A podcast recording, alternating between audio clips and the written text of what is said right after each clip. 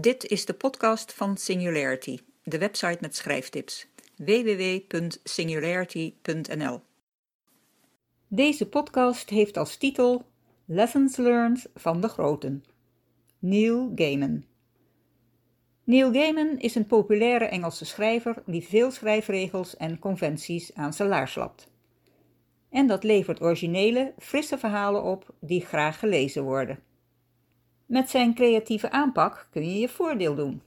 Dus hier volgen een paar tips. Niet alleen maar regeloverschrijdend. Te beginnen met inlevend schrijven. Neil Gaiman maakt volop gebruik van wat hij zelf heeft meegemaakt. En dat geeft inlevend schrijven een flinke boost.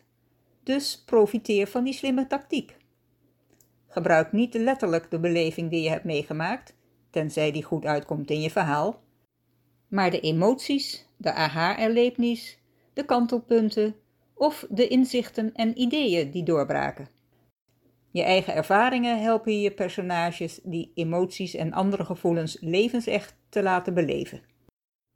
Voorbeeld: in zijn ontroerende boek De Oceaan aan het einde van het pad is het verhaal fictie, maar is de protagonist Gaimans eigen zevenjarige zelf, met alle verwondering en angsten die hij toen had. Tip: Noteer je ervaringen bij gebeurtenissen met impact. Wat je voelde, wat je erbij dacht of hoe het je veranderde. Dingen die je opschrijft hebben namelijk de prettige gewoonte om makkelijk in je hoofd boven te komen, zeker bij het schrijven. Leg ook opkomende ideeën vast, of ze nou wel of niet bruikbaar zijn in het boek waar je nu mee bezig bent, want je weet nooit wanneer ze van pas kunnen komen. Lees die notities zo nu en dan door, dan hou je ze niet alleen vers, maar kunnen ze zich ook in je onderbewuste ontwikkelen.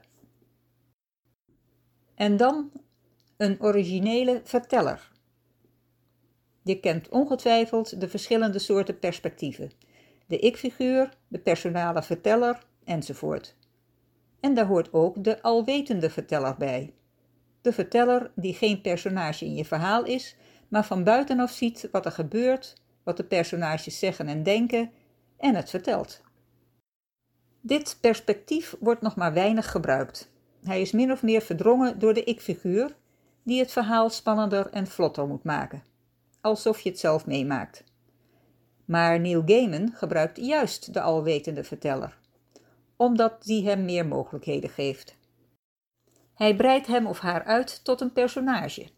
Niet één in je boek, maar erboven, een alweter die zijdelings commentaar geeft op wat hij of zij vertelt, grapjes maakt over de personages in het boek, geheimpjes verklapt, soms inkijkjes in de toekomst geeft, enzovoort. En zo zorgt die alwetende verteller voor betrokkenheid bij het verhaal. Voorbeeld: In Neil Gaiman's Neverwhere, vertaald als Niemandsland, maakt de verteller regelmatig zijdelings geestige opmerkingen over de personages. Een derde tip: tell, don't show. Waar vrijwel iedere schrijver zoveel mogelijk vasthoudt aan de heilige regel show, don't tell, lapt Neil Gaiman die aan zijn laars. Zijn adagium is dat de schrijver de opperbaas is en kan doen en laten wat hij wil. De enige voorwaarde is dat het verhaal de lezer boeit. In Neil Gaiman's boeken zie je Tell, Don't Show met name bij de introductie van personages en de setting. Ik ben aan het einde gekomen van deze podcast. Over Neil Gaiman's manier van schrijven is nog veel meer te vertellen, maar dat bewaar ik voor een volgende keer. Tot de volgende! Oh ja, vond je het leuk? Heb je er wat aan? Maak me dan blij door het te delen. Dankjewel!